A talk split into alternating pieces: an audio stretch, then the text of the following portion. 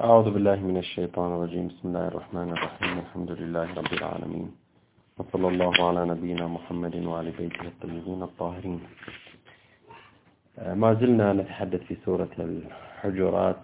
انتهينا بحمد الله تعالى من المقطع الأول والذي عنوناه بقواعد التعامل مع القيادة الإلهية وهو من الآية الأولى وحتى الآية الخامسة. وقلنا بأن يمكن تلخيص هذه فكرة هذا المقطع بأن هناك آداب ومبادئ أساسية ينبغي على الإنسان المسلم والمجتمع المسلم أن يلتزموا بها تجاه القيادة الإلهية المتمثلة بحسب السورة النبي صلى الله عليه وآله. عدم التقدم بين يديه بين يدي الله ورسوله وعدم رفع الصوت والجهر به آه، أمامه صلى الله عليه وآله. وهذه يمكن توسعة صح التعبير أو إعطاء الطابع الكلي لهذين الأمرين أن نقول الالتزام بقوانين وما تقرره القيادة الإلهية من دون الاقتراح في الدائرة التي لا يمكن الاقتراح فيها أو من الدائرة التي هي مخصصة لله وللرسول آه، هذا أولا والأمر الثاني هو الأدب السلوكي الخارجي مع القيادة الإلهية بالتوقير والاحترام والتقدير وإظهار حالة القدسية التي تتصف بها. هذا ال ال ال العلاقة الأولى هي علاقة المسلم والمجتمع المسلم مع القيادة الإلهية. من الآية السادسة وكما قررنا إلى الآية الحادية عشر تتحدث عن مبادئ وقواعد التعامل مع الآخر المسلم. وبتعبير آخر العلاقات الإسلامية الإسلامية العلاقات الداخلية بين المسلمين. الآية السادسة وهي الآية الأولى في هذا المقطع. بسم الله الرحمن الرحيم. يا أيها الذين آمنوا إن جاءكم فاسق بنبأ فتبينوا. أن تصيبوا قوما بجهالة فتصبحوا على ما فعلتم. نادمين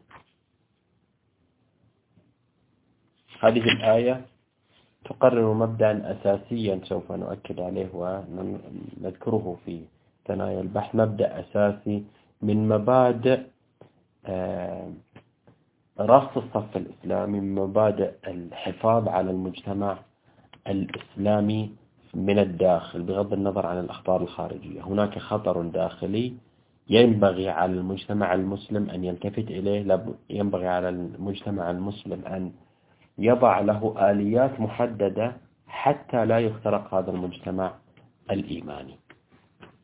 بداية نستوضح مجموعة من الألفاظ الواردة في الآية.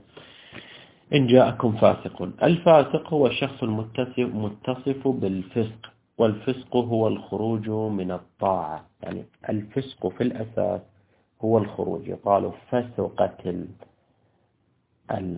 الرطبة إذا خرجت من قشرها.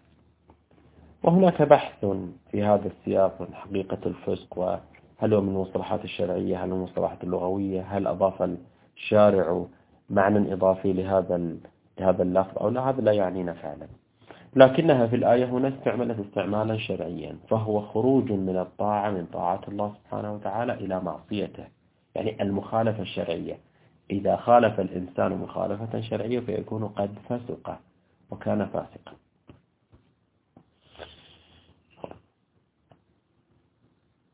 فتبينوا طبعا قبل تبينوا النبأ هو الخبر. فتبينوا التبين هنا بمعنى الاستيضاح والتأكد تبينت من الأمر استوضحته وتبينت من الفجر. ظهر لي الفجر أو تأكدت من ظهور الفجر.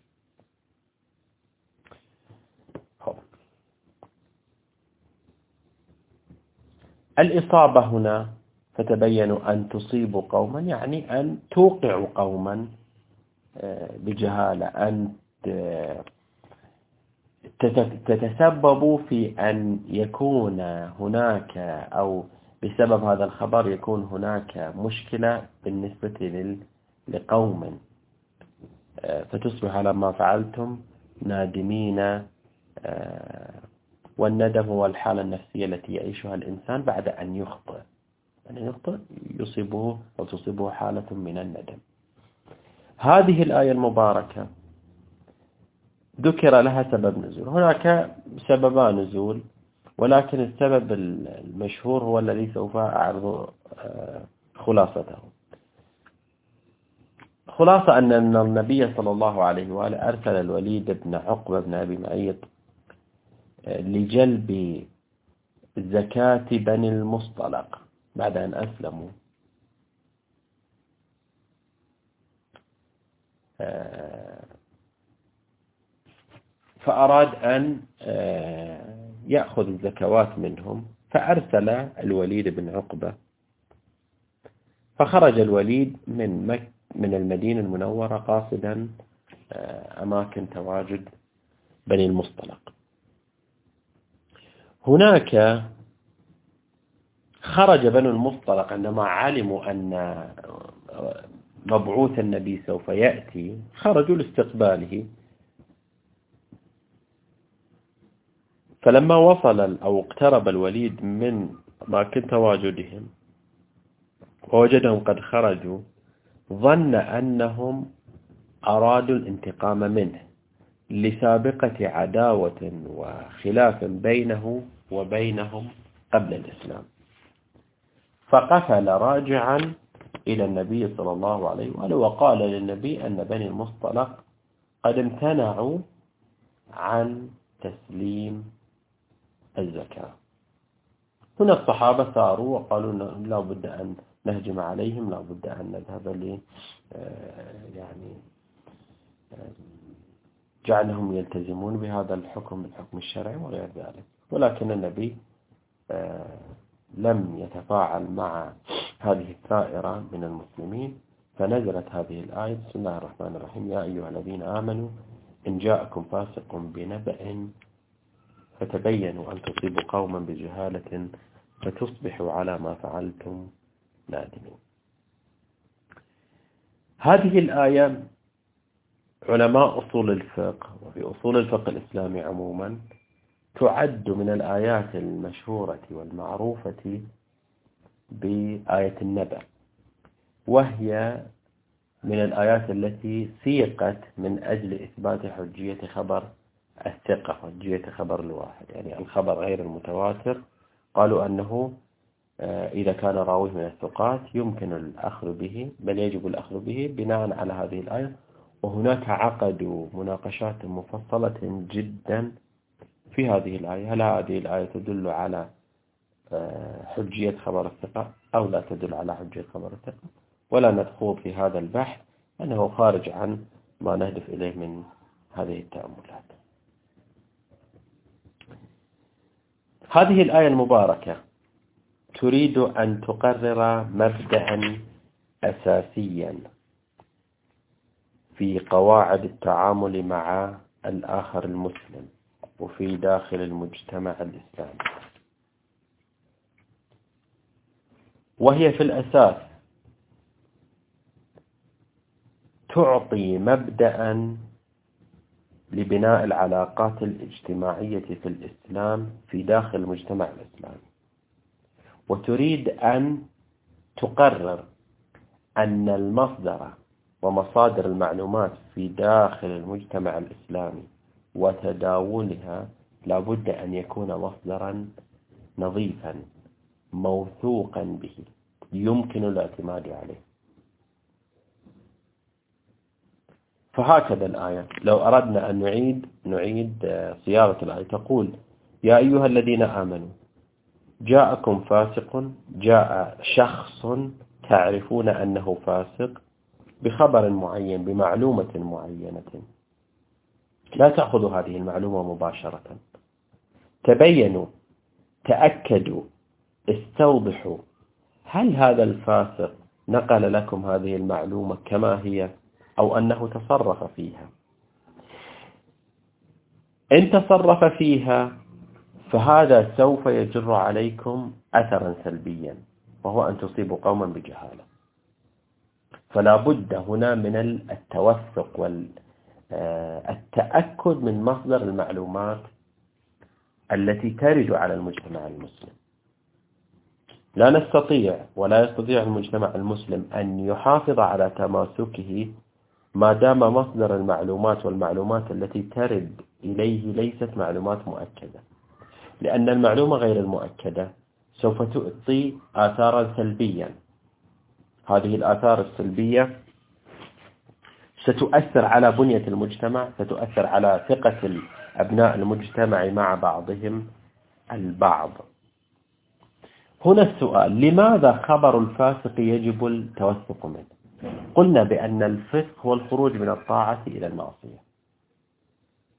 طبعا هنا بحث هل هذا الخروج مطلق الخروج يعني إنسان لا يصلي وجاءني بخبر هل يجب التوثق منه أو لا؟ المقصود الفسق في حال في صورة الكذب. يحتمل احتمالا قويا أن الآية تقصد أن الفسق المرتبط بالإخبار والإنباء بمعنى أن الإنسان الذي أعلم بأنه كذاب أعلم بأنه وضاع أعلم بأنه غير متنزه في خلق المواضيع أو إضافة تفاصيل إلى المواضيع مثل هذا الإنسان هنا يجب الاستيضاح من خبره. أما إنسان عاصم مثلا نفترض أن الإنسان لا يصلي لا يصوم لا يلتزم بالزكاة هل هذا يجب أيضا الاستيضاح من خبره أو لا؟ يبدو أن الآية تتحدث عن الفسق في صورة الكذب يعني الإنسان الكاذب الإنسان الغير موثوق بأخباره يجب التوثق من أخباره ويجب التأكد والتبين من أخباره. إذا يعتبر الفسق ويعتبر حالة الكذب حالة لا بد أن تكون هناك حساسية في المجتمع الإسلامي من أخذ الأخبار من هذه الجهات غير الموثوقة. ثم بعد ذلك تنتقل الآية بعد أن تبين يعني الموقف الذي ينبغي عليه أن ينبغي أن يكون عليه المجتمع المسلم تجاه هؤلاء الذين لا يوثق بأخبارهم تبين أثر هذا الخبر. يعني أنا كمشرع أنهاكم وأقول لكم لا تأخذوا هذه الأخبار. لماذا؟ لأن فيه آثارا سلبية. على المستوى الفردي وعلى المستوى الاجتماعي. فهذا الخبر المختلط بالنوازع النفسية والأهواء للفاسق له أثر بأنكم سوف تقعوا في ظلم أشخاص. سوف تقع في ظلم أفراد هذا المجتمع. جاءني فاسق جاءني شخص أعلم أنه غير ثقة وأخبرني بأن فلانا قد حدث له حادثة معينة أو تصرف منه تصرفا معينا. فرتبت الأثر من دون أن أستوثق من صحة ذلك. وتبين بعد ذلك أن هذا الرجل هذا الطرف الثاني لم يعمل هذا الفعل ولم يقم بأي شيء قاله لهذا الفاسق. هنا سوف أقع في ظلم هذا الشخص وهذا سوف يكون سببا في دب الخلاف في المجتمع الإسلامي وبالتالي تفكك وانهيار المنظومة الأخلاقية والوثائقية بين المجتمع الإسلامي وهي موضوع مهم جدا تعرضت له الآية المباركة. من أنه لا بد من المحافظة على بنية وتماسك المجتمع الإسلامي. هذه جهة الجهة الثانية بأن الأخذ بخبر الفاسق من من دون تبين ثم يتضح بأنه كان مخطئا أو كان متعمدا أو لم يكن خبره صحيحا إضافة إلى الأمر الأول وهو فقدان الوثاقة في أوساط المجتمع الإسلامي. هناك نقطة نفسية وأنه سوف تؤثر على استقرار الحالة النفسية في المجتمع الإسلامي. حالة الندم حالة محبذة. إذا أخطأ الإنسان يندم. يشعر بشعور سلبي تجاه هذا الخطأ الذي أخطأه. ولكن مع إذا إذا لاحظنا الظاهرة بشكل عام إذا تكثرت هذه الحالة فسوف يعيش المجتمع حالة من القلق. دائما يعيش حالة من تأنيب الضمير لأنني أنا رتبت أثرا على على خبر غير صحيح ظلمت فلانا أوقعت فلانا في مشكلة معينة بسبب أنها أنني تبعت خبرا غير موثوق به. إذا تكثرت هذه الحالة سوف يعيش المجتمع الإسلامي حالة من القلق النفسي أيضا ستؤثر في بنيته وتماسكه الاجتماعي.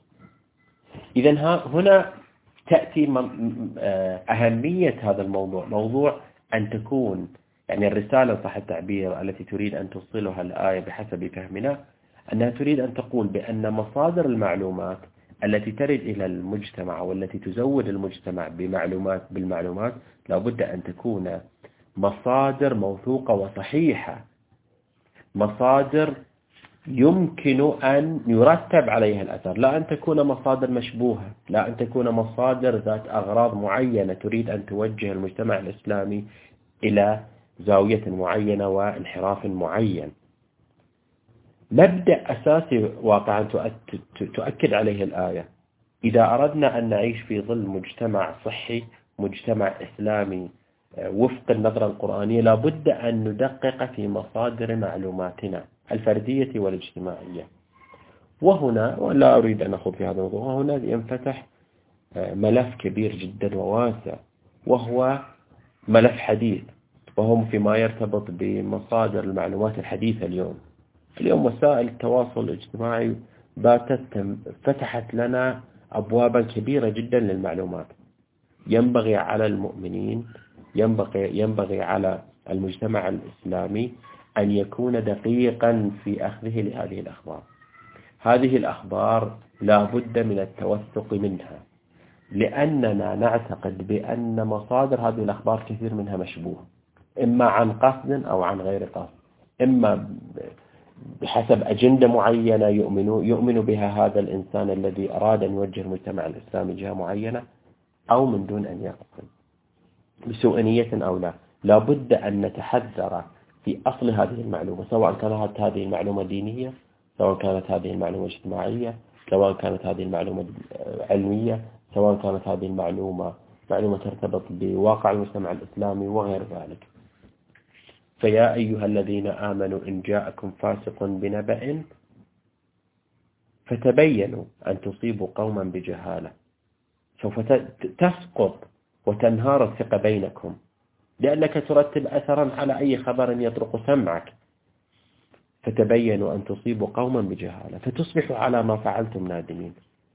ندمكم هذا إذا تكثرت هذه حالة الندم بين أفراد المجتمع.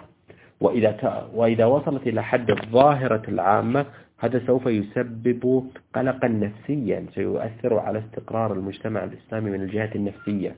والمجتمع غير المستقر من الجهة النفسية لا يمكن أن يتحمل أي مسؤولية. لأنه حالة مرضية سيعيش حالة مرضية.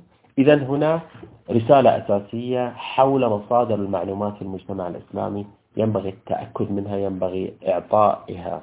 ينبغي إعطاؤها عناية إضافية لا بد من التدقيق لا بد من الحرص والحيطة. وطبعا كلما كان هذا المصدر أو هذه المعلومات كانت بالطبقات الاجتماعية الأولى وهم الأطفال والمراهقين يتأكد الأمر لأن هؤلاء الذين سوف تنبني شخصياتهم الإسلامية بناء على هذه المصادر المعلوماتية غير الموثوق بها. أقول قولي هذا وأستغفر الله لي ولكم. السلام عليكم ورحمة الله وبركاته.